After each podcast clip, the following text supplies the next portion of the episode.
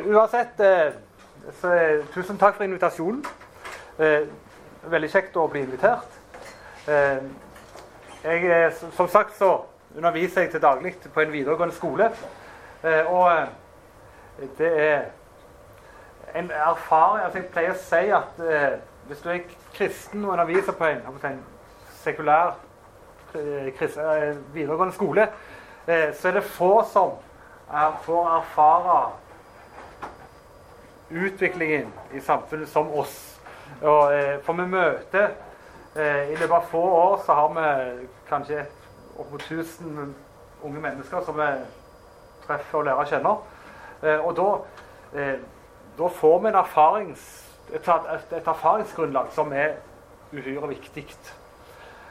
Og vi kristne som underviser i videregående skole, vi bør nok bli enda kanskje tydeligere i, i, i debatten. altså sånn at vi kan formidle hva som skjer. Altså, eh, det er av og til litt for mye rosenrødt om det.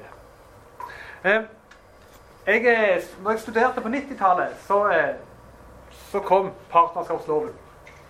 Eh, og eh, da så var veldig mange kristne imot, og det var jo bra. Men jeg savna at det var Det ble veldig sånn lett kristen motstand. Det, et, eh, det, ble som om slagene sto på ulike baner, nesten. De kristne var her og argumenterte. Mens argumentasjonen fra lovgivere og for de som ønska den var foregår her, foregikk her på et, det vi kan kalle et ideologisk grunnlag. Eh, og vi klarte, klarte, aldri å møtes. Og jeg savna allerede da at, eh, at kristne prøvde å forstå den politiske, den ideologiske tanken bak dette. Fordi at eh, det er ikke, det er ikke eh, teologi som har medført at vi har fått disse endringene. Eh, det er, altså det, er ikke, det er ikke Bibelens budskap som ligger her. Det er ideologiske tanker som har beveget seg over ganske lang tid. Men jeg skal ikke, jeg skal ikke bruke tid i kveld på, på, å finne ut hvor disse tankene kommer fra. For hver ny jeg vil si, enten filosof eller ideolog som uttaler seg om disse spørsmålene, så kommer de opp med nye filosofer som de peker på er utgangspunktet. Så jeg har forstått at her er de ikke enige uansett. Det vi kan se at Det foreligger her et, et tankegods, eh, og det må vi prøve å forstå. Og vi må prøve å forstå hvordan det påvirker oss, eh, hvordan det påvirker oss som kirker, hvordan det påvirker oss som mennesker. Eh, og det er det vi skal, og hvordan det påvirker altså vårt gudsbilde òg. Det skal vi bruke litt tid på, da. Eh, og jeg mener at eh, dette her har, altså, I Norge så er det viktigste utgangspunktet for vår tanke, eh, eller for vårt emne, da, er det, eh, eh, den kjønnssentrale ekteskapsloven som kom i, i 2008. Eh, noen vil gjerne trekke tida enda lenger tilbake, men et sted må vi begynne. og i, i boken min så begynner jeg der. Eh, det er på en måte mest naturlig. Eh, det var da vi virkelig fikk eh, noen viktige prinsipielle endringer som vi skal se på, og som gjorde at ting ble satt i, i, i gang. Og den viktigste endringen altså, eller Det skjedde bare én endring fra partnerskapsloven til kjønnsnøytral ekteskapslov. Eh, og det var at, og dette her står eksplisitt i eh, proposisjonen fra regjeringen eh, i forkant av, av den kjønnsnøytrale ekteskapsloven. Og Den handler om at lovendringen gir lesbiske og homofile rett til å inngå ekteskap, i likhet med heterofile. Fra samme dato er lesbiske og samboere og ektefeller gitt rett til å bli vurdert for assistert befruktning. Biologisk mors ektefelle samboer får status som medmor hvis enkelte vilkår er oppfylt. Det, det, var det som skjedde den dagen når kjønnsnøytral ekteskapslov ble Verken si, mer eller mindre.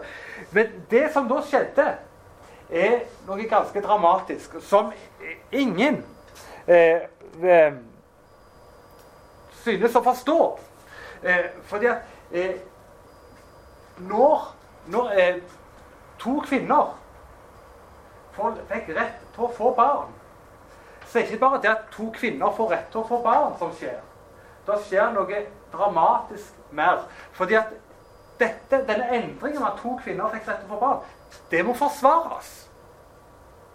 Eh, og eh, jeg pleier å si at Stortinget kan ikke vedta en lov de vet medfører overgrep mot andre. Altså, så Når Stortinget vedtar dette, her, så må de på en måte ha ryggen fri fra kommende erstatningskrav, eller ja, vår måte å forstå det på. Eh, så eh, det de da vedtok, det er at eh, Vedtok i prinsippet altså at ingen barn har behov for en far. Altså, for Du kan ikke si at 100 barn som kommer til verden, ikke trenger en far.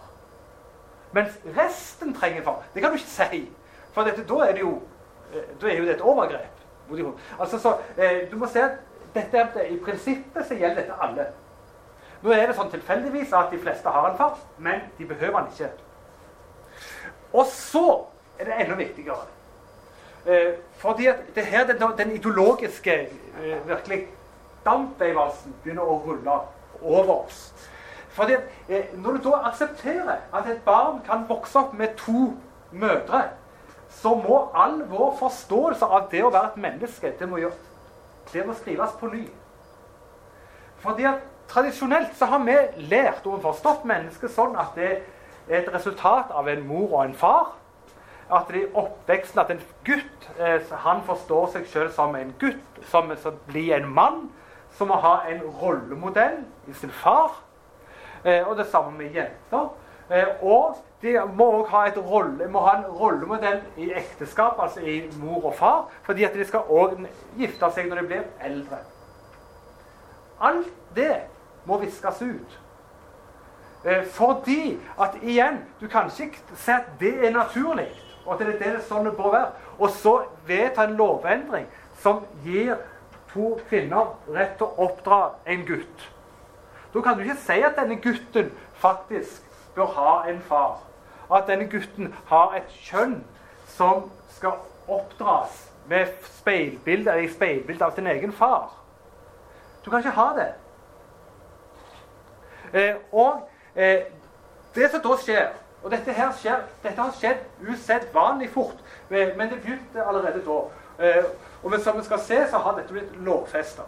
Skjønnets egenskaper blir nå et resultat av det vi kaller sosialisering. Altså, eh, Kjønnet er bare kjønn. Altså Maskuline egenskaper og feminine egenskaper de er nå bare tilfeldige.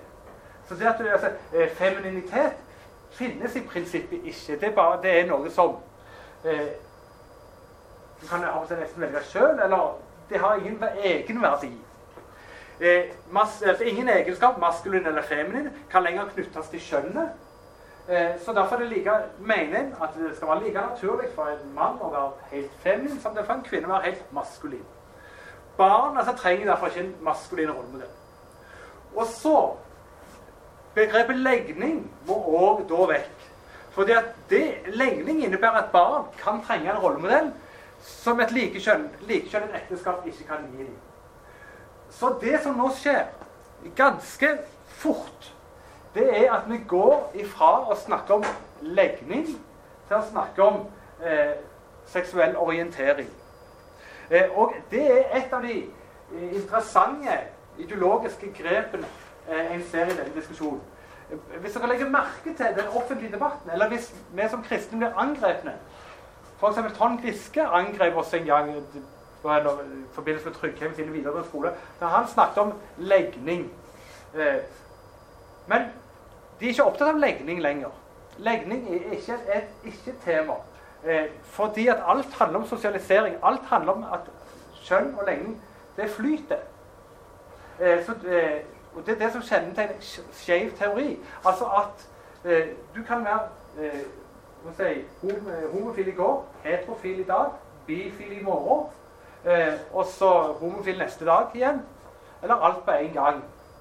Eh, og det, det, ser vi eh, skjedde veldig eh, fort. Og det er det som kalles for skeiv teori. Altså disse regnbueflaggene Skeive dager har vi. Eh, Pride-parader. Det er skeiv teori. Eh, og det blir da ganske raskt en del av vår virkelighet. Eh, skeiv teori Og dette her er en internasjonal bevegelse. Det kom fra FN der inn i EU. Det gjennomsyrer all tenkning eh, om dette. Eh, det, avviser tanken om legning, kjønn og normer for samliv. Altså eh, Igjen eh, Er jeg mann? Eh, ja, OK, men jeg har lyst til å være dame. Da går jeg ned og så endrer det hvis jeg vil være det. Eh, også I New York så har de er det 27 ulike kjønn du kan velge i nå. Um, alt er tillatt og godt så lenge det finnes sted frivillig. Og det som også er litt interessant, og Dette ble først avvist av de homofiles organisasjoner. På 70-tallet så var skeiv teori, eller queer theory, som det, som det går på internasjonalt, eh, de, de, likte ikke det. Eh, og eh, Friele her fra Bergen hun, var, hun avviste skeiv teori bastant. Eh, for hun var homofil av legning. Eh, men de har tapt. Eh, og, og da er spørsmålet hvorfor skjedde dette? Jo, og det er en påstand fra meg, men jeg, jeg, er overbevist om at det er rett. at det, det er nødt til å være sånn. Det er, det er homofiles rett til barn som er årsaken. Fordi at det, Du kan ikke akseptere legningsbegrepet eh, hvis du har barn med i tillegg. Eh, fordi at da igjen, da ser du at barn trenger noen ting. Hvis da dette barnet faktisk er født heterofilt og har da to homofile foreldre, hvis du snakker legning, så, så vil alle forstå at eh, dette er jo et overgrep. Så da trenger de noen ting. Eh, men med skeiv teori så trenger vi ingenting, for da er alt plastisk. Hele vår natur er plastisk, formbar.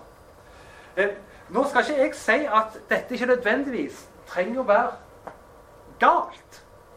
Eh, er, mennesker er formbare. Det ser vi fra antikken. Den greske antikken så var homofili langt mer utbredt enn i dag. Hvis du ser på piratmiljøene på 1600-tallet, så var homofili ekstremt uh, utbredt. Poenget er, eller spørsmålet hva skal vi gjøre si er riktig å dyrke som en del av vår, vår virkelighet, en del av vår uh, kultur. Altså, uh, og, og da og vi mener at Gud har en tanke med skaperverket. Eh, så eh, poenget er at dette her, denne tanken er den skeive teorien. For de dyrker dette. De dyrker at alt er skeivt. Altså er forbart. Og at det, at dette, og at det er godt. Eh, og at vi da skal bevege oss ut i en hver retning som en til enhver tid mener passer oss. Dette eh, påvirker da oss ideologisk, etisk og teologisk. Eh, og Vi skal komme litt inn på eh, alle dette her. Og vi skal bruke litt tid på å prøve å se på hvordan dette påvirker eh, våre barn som vokser opp i denne tida her. Eh, bruker litt tid på det. Eh, for dette, dette, er knallhardt og veldig vanskelig.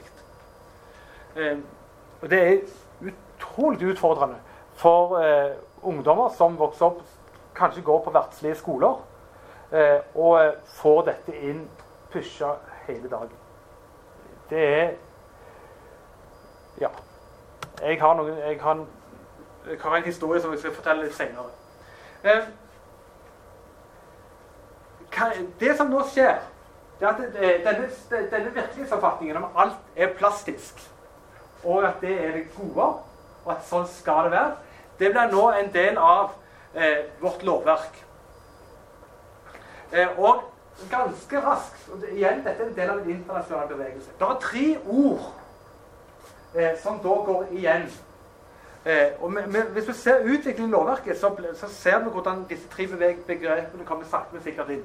Det er at det skal være forbud mot diskriminering på grunnlag av seksuell orientering, eh, kjønnsidentitet og kjønnsuttrykk. De er, det, disse internasjonale begreper. Vi kan gå inn i lovverket til EU. Det, det er blå kopier av tekster hele veien. Vi ser, eh, Og FN bruker det, eh, og andre land.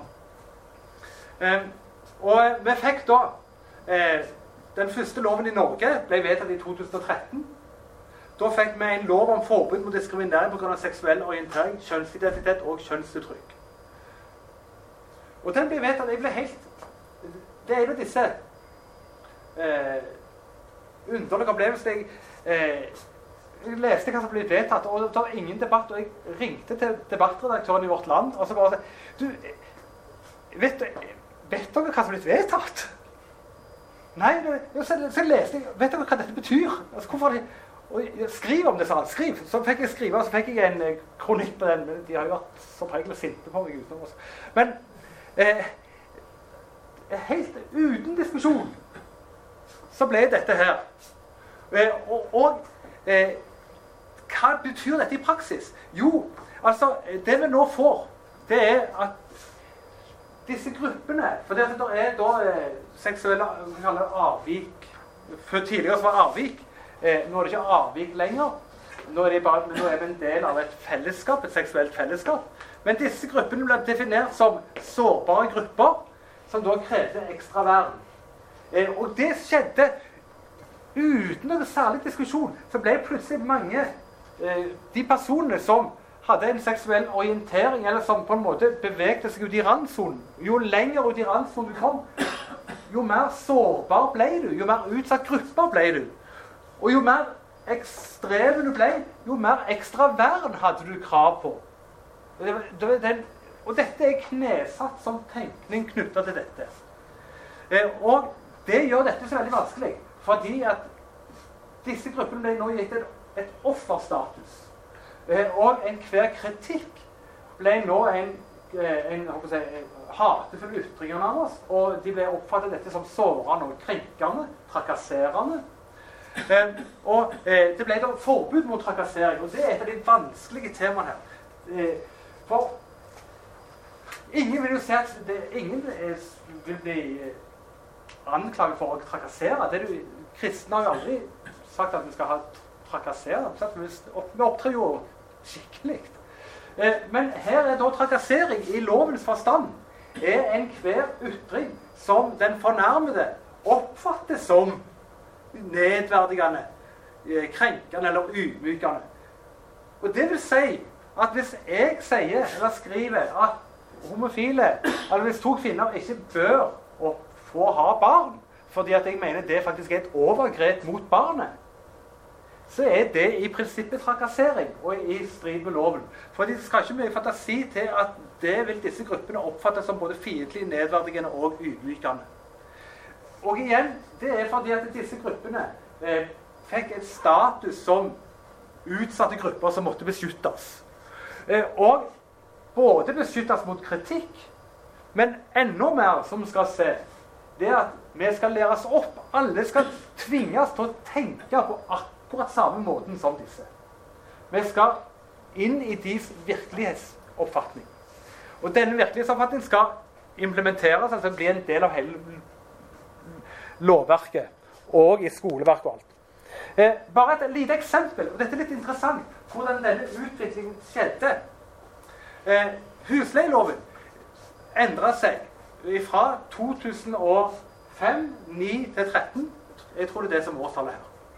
Fra I 2005 så var det forbud mot diskriminering eh, på husleiemarkedet på grunnlag av legning.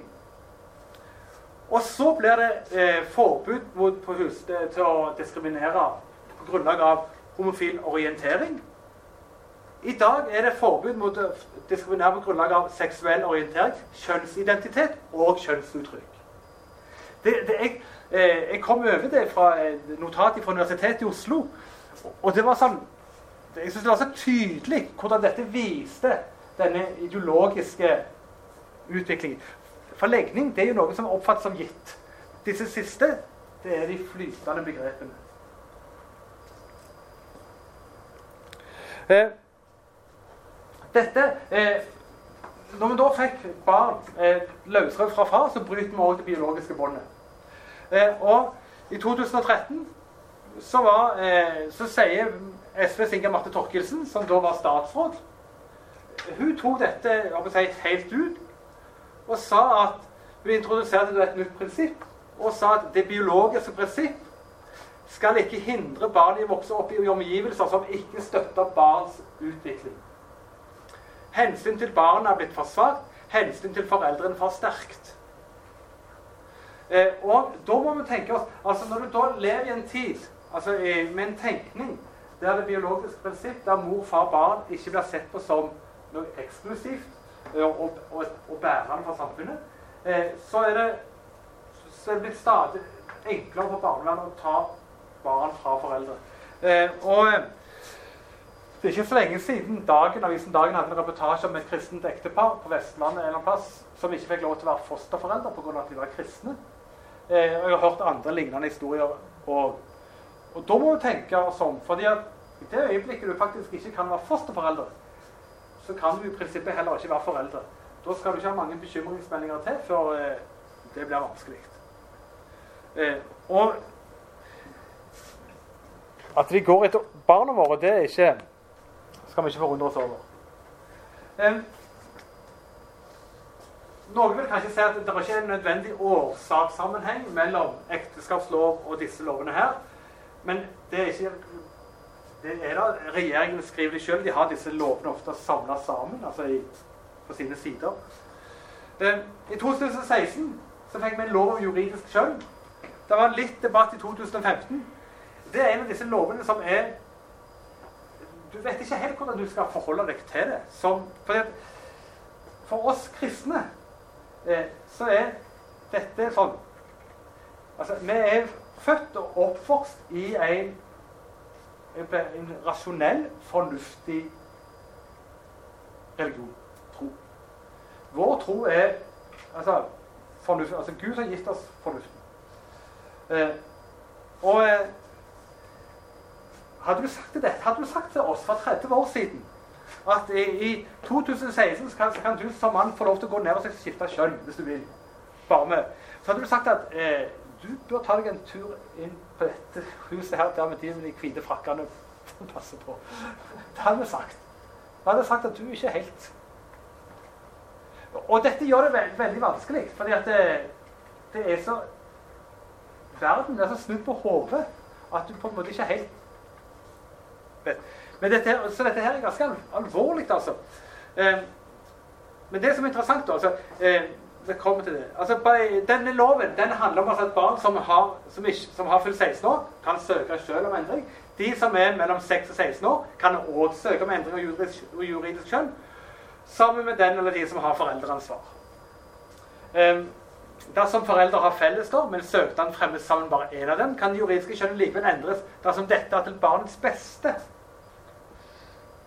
Og igjen, dette som er til barnets beste. Eh, hva, hva betyr det i våre dager? Eh, det er en helt ny virkelighet som definerer hva som er til barnets beste. Eh, og vi skal komme litt inn på andre forhold. Eh, det som da var interessant, og dette viser litt hvor mye enkelte politikere, spesielt KrF, ikke helt har forstått hva som har foregått. For KrF var, gikk imot Eller nei, de gikk, for, de gikk inn for den loven om diskriminering på grunnlag av seksuell orientering kjønnsuttrykk og kjønnsorientering, eh, seksuell orientering, i 2013. Den gikk de for.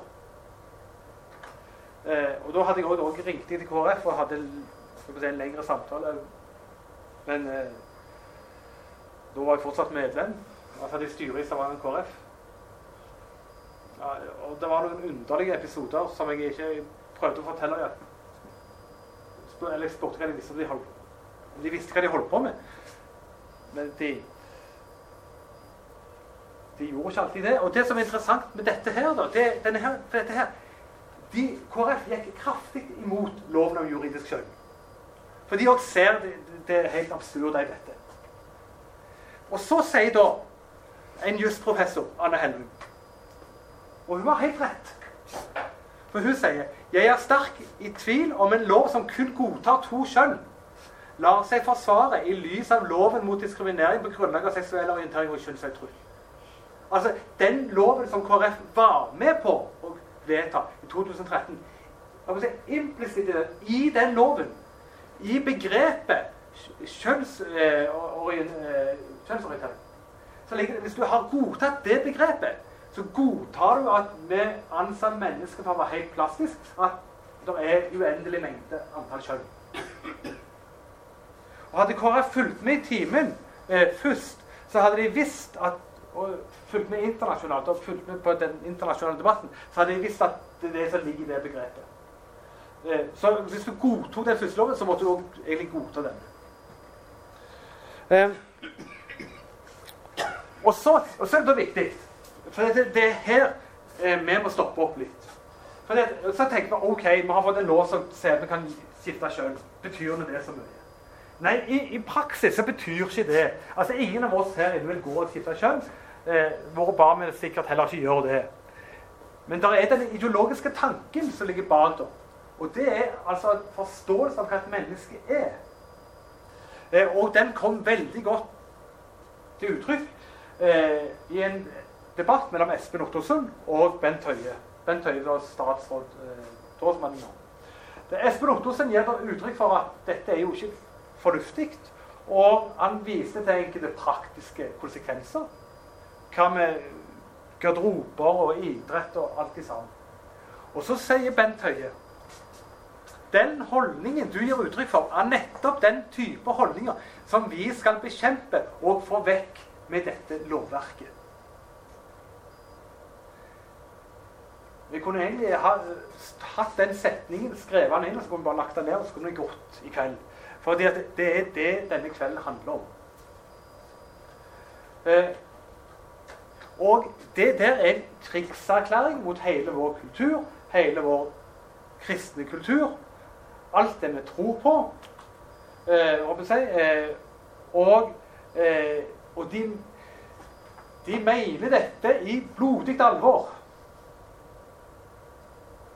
Eh, det verste unnfallelsessynden som vi gjør som kristne i vår tid, det er at vi ikke tar våre motstandere på alvor.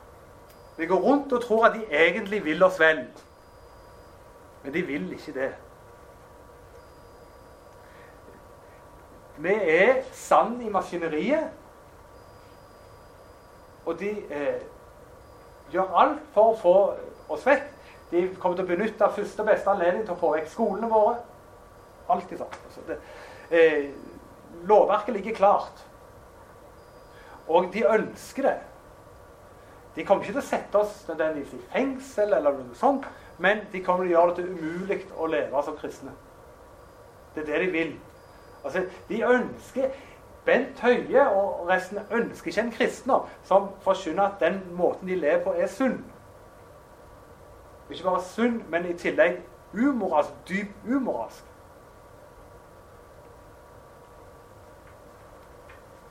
Eh, og Venstres Kjetil Kjenseth sa i Stortinget i dag, Inntil i dag har vi i Norge begått systematiske brudd på menneskerettighetene. Eh, og vi tilhører altså en religion tro det som systematisk begår brudd på menneskerettighetene. Det er. Og det som da er viktig, og som jeg ønsker vi skal prøve å forstå, det er altså hvorfor fører en slik lov til slike angrep på meningsmotstandere? Altså, hva, hva, er det som ligger i dette som gjør at de ikke tåler motstand? For det gjør de ikke. Eh, og, og, det er eh, fordi at det Det var en som sa at det politisk korrekte det tåler ikke at det er noe ukorrekt ved siden av. Altså, det er litt sånn Løgnen tåler ikke sannheten. For sannheten avklærer. Sant? Løgnen kan tåle en annen løgn ved siden av seg. Det er ikke et problem. Så løgnen, altså Hvis vi tenker religion her Løgnen tåler vel islam. Det er helt uproblematisk. Men han tåler ikke kristentro. Eh, og eh, det må vi være klar over. altså Eh, det er kun i den jødisk-kristne tradisjonen at vi har begrepet altså, sannhet. Det er Sannhet er det mest spennende. Jeg, jeg skriver en del på et, et, et konservativt eh, nettsted som heter dokument.no. Jeg pleier klart, klart nesten å ha eh, litt sånn kristne tanker, kristenpolitiske tanker hver søndag. Eh, og jeg, det var han redaktøren som er en omvendt marxist. Det er ganske spennende. Eh, han, eh, han, forklarer eller han ber meg forklare dette med sannhet. At, eh, fordi det er mange lesere som reagerer på at vi kan bruke ordet sannhet. Men jeg tror mye av det ligger begravd der. at vi, vi tåler oss ikke av den grunn. Og så kommer vi til 2017. Eh, og eh, regjeringen har jobbet lenge med en handlingsplan mot diskriminering. Eh, og Målsettingen er da et mer åpent, trygt og inkluderende samfunn. Og igjen, hvem kan være imot det? Hvem er det som kan rekke opp i hånden og si at 'jeg ønsker ikke et, åpent, trygt, trygt, og inkluderende samfunn'? Vi orker ikke det. Og vi, og vi, kan ikke være det heller. Sant? Vi ønsker jo å være det. Men problemet er at de har tatt disse begrepene ifra oss. Og hvis vi leser den Den har 40 punkt. Vi burde egentlig tatt den fram og så studert den litt. Men den går rett i barnehagen. Eh, og annet at barnehagene lærer våre barn at det ikke er noe som er normalt med tanke på familie og kjønn. Gutter må få leke med jenteleker og motsatt. Eh, dette, dette, blir da barnehagene eh, dette, Sånn skal de oppdra ungene i barnehagen. Det skal ikke være noe klart eh, fyr, sånn maskulint eller feminint. At du skal, du skal ikke forutsette at guttene ønsker en maskulin eh, leke eller sånt. Eh, eller jentene ønsker en feminin. Du skal heller ikke ta utgangspunkt i at eh, de har en far og en mor. Eh, I Sverige så har dette gått enda lenger. Altså, så der omtaler de ikke ungene til foreldre som, som far og mor. De, de, bruker ikke kjønn. De bruker bare foreldre. Eh, og, og det, i Sverige så, gå, så, lærer de ungene opp til å gå i prideparader i barnehage. og ja, altså i prideparader, de Barnehagen har egne prideparader. Der de da vifter med flagg og roper 'Hvem kan man elske? Hvem man vil?' De indoktrineres i dette fra de er helt små. Og det, og det har kommet til Nå må jeg ha eh, strøm. Så. Men jeg kan hente den, den så ikke dere? Ikke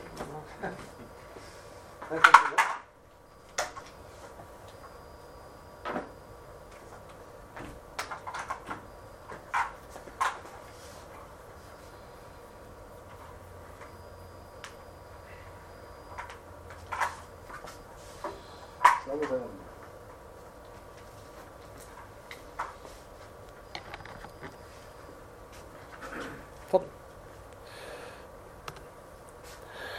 og eh, vi ser det og var en rapport jeg kom fra Redd Barna. Redd Barna lagde en rapport i, i fjor eh, om eh, hva utfordringer, hva utfordringer har norske barn med tanke på menneskerettigheter. Og der står det Jeg har ikke funnet på det sjøl. Eh, rapporten bygger på den forståelsen at sterke normer fra kjønn og seksualitet er et grunnleggende problem for oppfylling av barna sine menneskerettigheter. Vi kunne like så sagt, altså, sagt at istedenfor sterke normer, så kunne vi sagt kristen tro. Eh, så for Redd Barna så er da den kristne tro et grunnleggende problem. Eh, og Det som er viktig her, det er å forstå eh, altså, hva er utgangspunktet for alle f.eks. hvordan konflikter skal løses med tanke på barnevern, eh, skole eh, osv. Eh, og når dette blir sett på som så viktig, eh, så er det Så må vi stille spørsmål til oss sjøl. Altså, hvor, hvor, lenge kan de da tåle at vi forkynner noe annet? I våre egne skoler, f.eks. Eh, vi fikk da i 2017 eh, en ny likestillings- og diskrimineringslov eh, som Og det var òg en av disse absurde opplevelsene. Jeg visste at han skulle komme, så jeg hadde skrevet noen kronikker om, om det. Og så ser jeg at han er vedtatt. Og så ser jeg da at eh, går jeg inn på Stortinget sine sider. Og så ser jeg at han er forandra litt. Han er forandra fordi I utgangspunktet så var det sånn at Eh, loven skulle ikke gjelde, skulle, loven skulle gjelde på gitte samfunnsområder, men ikke familieliv og privatliv. Så går jeg inn på sluttdokumentet på loven som er vedtatt, og så ser jeg loven gjelder alle samfunnsområder. Og da ble jeg helt Dette hadde ikke stått noen steder. Så må jeg gå inn på Stortingets side for å finne et, der du kan gå inn og se på debatten og avstemning. Og så ser jeg at KrF og Arbeiderpartiet fremma forslag om at loven òg skulle gjelde familien. Inkludere familieliv. Og jeg, jeg, jeg, jeg, tror ikke det jeg leser. Jeg går ut av sida, jeg går inn igjen bare for å lete det opp igjen og se at det er, jeg har rett lov her. Jeg ser, leser riktig. Og ser at det er tilfellet. Eh, da ringer jeg til politiske rådgiver til KrF på Stortinget og spør henne er det, hva er dette? Jo da, det var, dette, var helt, dette var bra. Fordi at eh, disse personene var sårbare grupper som vi måtte beskytte. Disse, eh, disse LHBTI-personene. Lesbiske, homofile, bifile, transpersoner og intersex-personer. Dette begrepet blir for stadig, større, stadig flere bokstaver. eh. Ja, men ser dere ikke at det vil da gjøre det faktisk I prinsippet kan, kan dette gjøre det umulig å Eller at å oppdra kristne altså Våre barn i kristen tro. Og jeg sa at I Canada så oppfattes dette her som totalitært. Der har de lignende utvikling.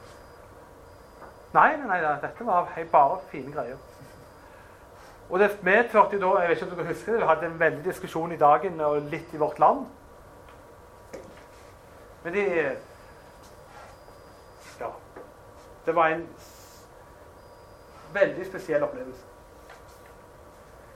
Den loven som kom der i 2017, er etter min oppfatning noe av det mest ekstreme vi har fått. Den går utvidet og går dypere enn lovene fra 2013. Det som var i 2013, var at vi fikk fire diskrimineringslover. Vi hadde seksuell orientering, vi hadde ny eh, sånn likestillingslov, så hadde vi om etnisitet, og så hadde vi eh, om eh, tilgjengelighet. Nå fikk vi, fikk, nå Fra 2017 av så har vi fått én diskriminerings- og likestillingslov. Som inkluderer alle i én lov. Det som er, da, er viktig, som vi skal vente litt med Men den setter likestilling med likeverdig likestilling. Det skal vi vente litt med. Eh, og den avviser at man skal sette, få sette grenser for hvordan folk bør leve. Alle valg blir nå likeverdige. Og så skjer det noe viktig. Det er at skoleverket inkluderes. Det vil si at fra 1.1. nå i 2017 eh, så har ikke norske lærere i norske skoler lov til å si at en form for seksuell orientering er mer naturlig eller legitim enn andre. Det vil si at eh, Du har ikke lov til å si at det er mer naturlig at mor og far bor sammen, enn at to, mød, to kvinner og en mann eller Uansett forhold lever sammen. Ingen lærere har lov til å si det i norsk skole. Ehm, det er, Jeg eh, har et søskenbarn av meg som er rektor på en Danielsen skole i, på Karmøy. Han sa de hadde fått skriv fra eh, Utdanningsdirektoratet. De hadde lov i, som kristne skoler å si dette i andre fag enn religion. For i, på, i proposisjonen så er regjeringen klar på at for kristne skoler så har kristne skoler kun lov til å si dette i religionstimene. Det var noe av det Kristne Friskolers Forbund reagerte veldig på. De eneste som reagerte si, solid på denne loven, og det viser litt også hvordan Kristen-Norge på en måte har kapitulert, det var Kristne Friskolers Forbund, og så var det Agder bispedømme. Eh, og der var det jeg tror jeg, Øyvind Bennestad som hadde ført i pennen en del av kritikken der. Eh, men han sa at direktoratet hadde, har kommet til søskenbarnet mitt. Gitt i lov. Men jeg, sti, jeg, er ikke helt sikker på om, om det er nok. Eh, fordi at hvis, vi vi får en konflikt her, hvis vi får en sak, eh, så er det Så vil eh, så vil altså, Retten vil gå til proposisjonen og lese. Det er jeg i retten ofte. Jeg er meddommer ofte. og det går alltid, Hvis det er noe vanskelig, så går vi til proposisjonen og ser på bakgrunnen.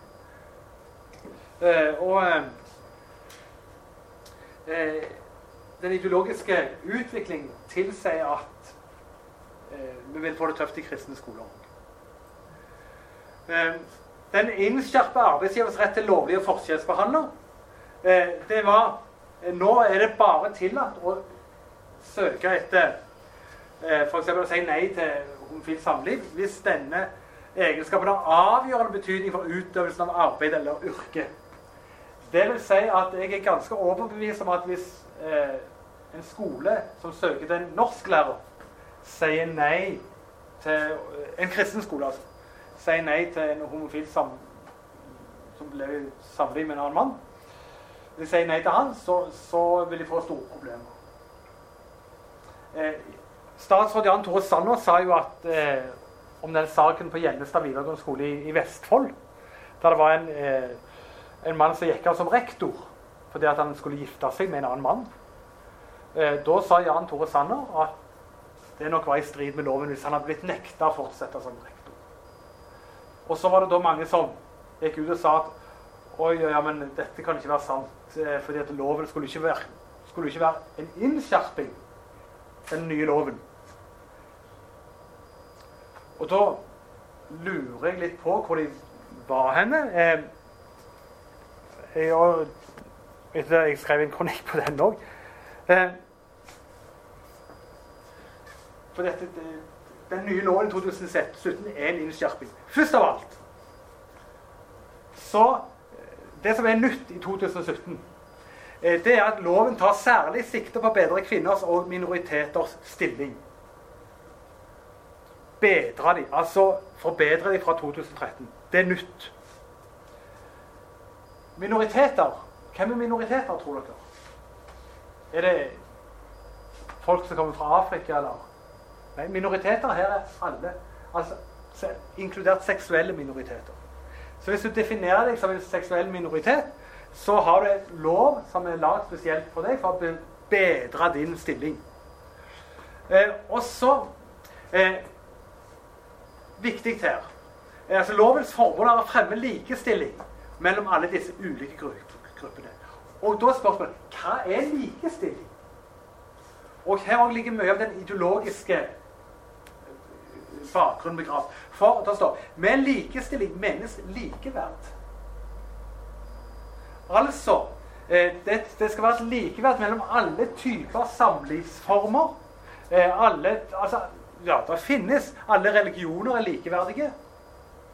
Eh, og så videre og så videre. Eh, og når det er likeverdig, så kan du ikke si da, at det er noe, altså, da har du på en måte ikke noe etisk grunnlag igjen. da.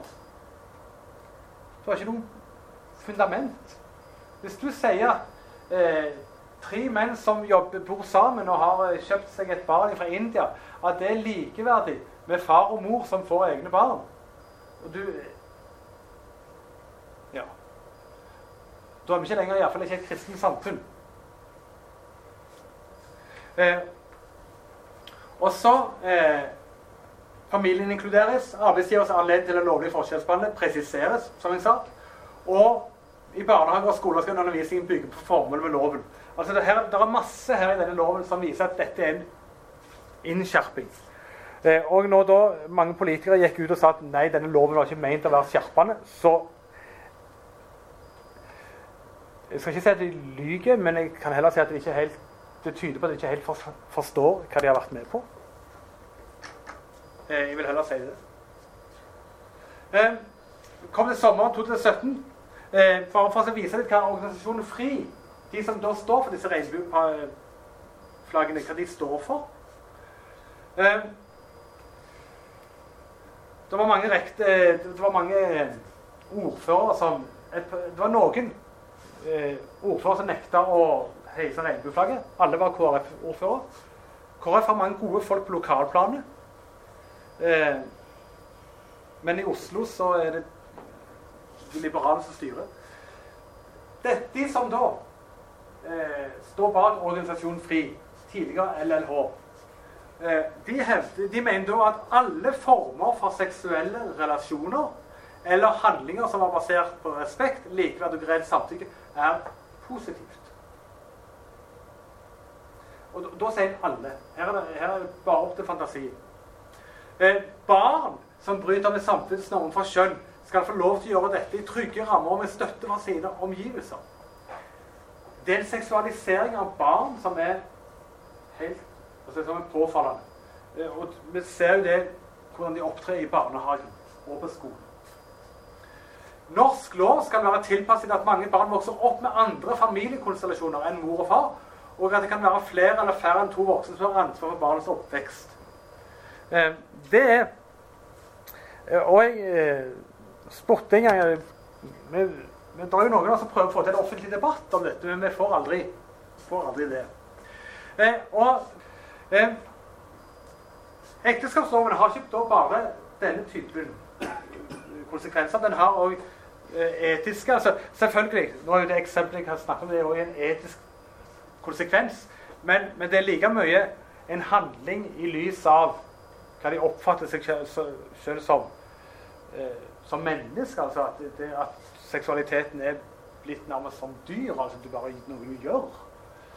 Eh, men hvis vi ser på etiske konsekvenser altså Medmor medmor er veldig lite diskutert. Eh, surrogati, eggdonasjon, flere juridiske foreldre, assistert befruktning for enslige. Eh, det eneste her nå som ikke er lov, ser det ut til, det er surrogati.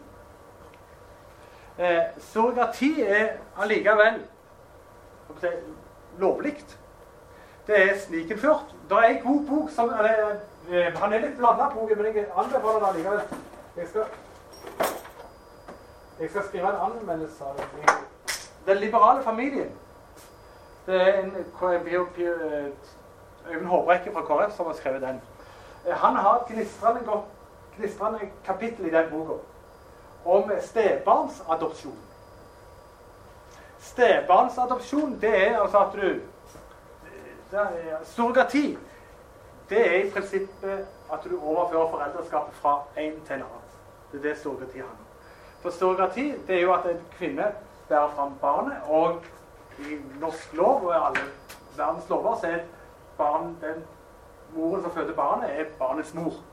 Og surrogati handler jo om at du overfører foreldreskapet fra denne moren til en annen. Eh, det er ikke lov i Norge, men allikevel er det lov. Eh, fordi at det er lov for folk, alle her inne, hvis vi vil, så kunne vi bestilt et barn i India, så kunne vi reise og hente det. Og da jeg, jeg, var ikke klar over dette før, han, før jeg leste det her. Eh, han skriver Og dette skjer da eh, i, eh, i Norge nå. Han, han, eh, han skriver at Uh,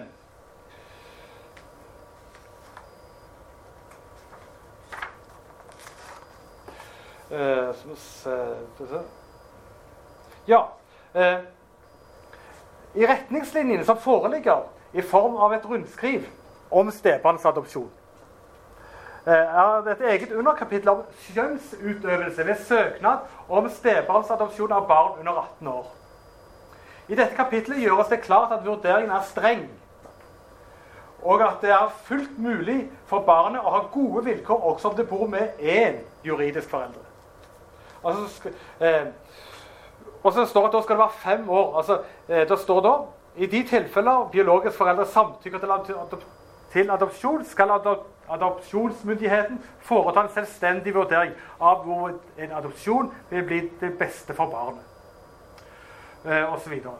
Eh, hvis jeg da, hvis meg og kona mi ville adoptert eh, si, naboens barn, hvis, for eksempel, eh, hvis de hadde blitt omkommet i en trafikkulykke, så er det ikke sikkert at vi hadde fått lov til det. Altså det, det skal være strenge regler for dette her. Eh, men så skriver de bare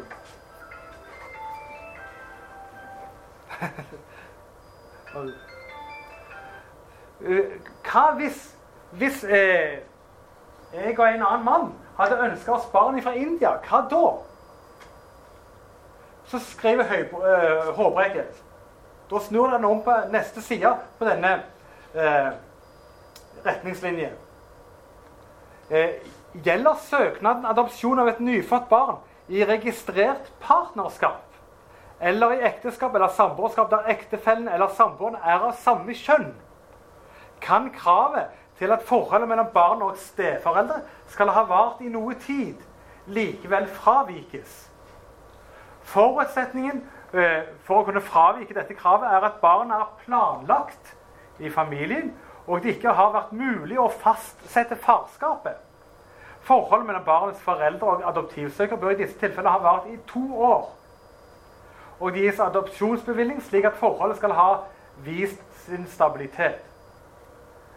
Videre skal det legges vekt på barnets behov for to juridiske foreldre. Det avgjørende for vurderingen vil alltid være om adopsjonen samlet sett vil bli til barnets beste.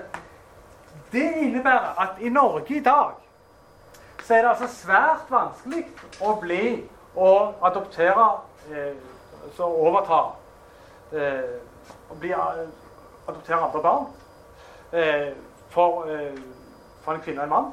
Hvis det er barn over i gata, for å si det sånn.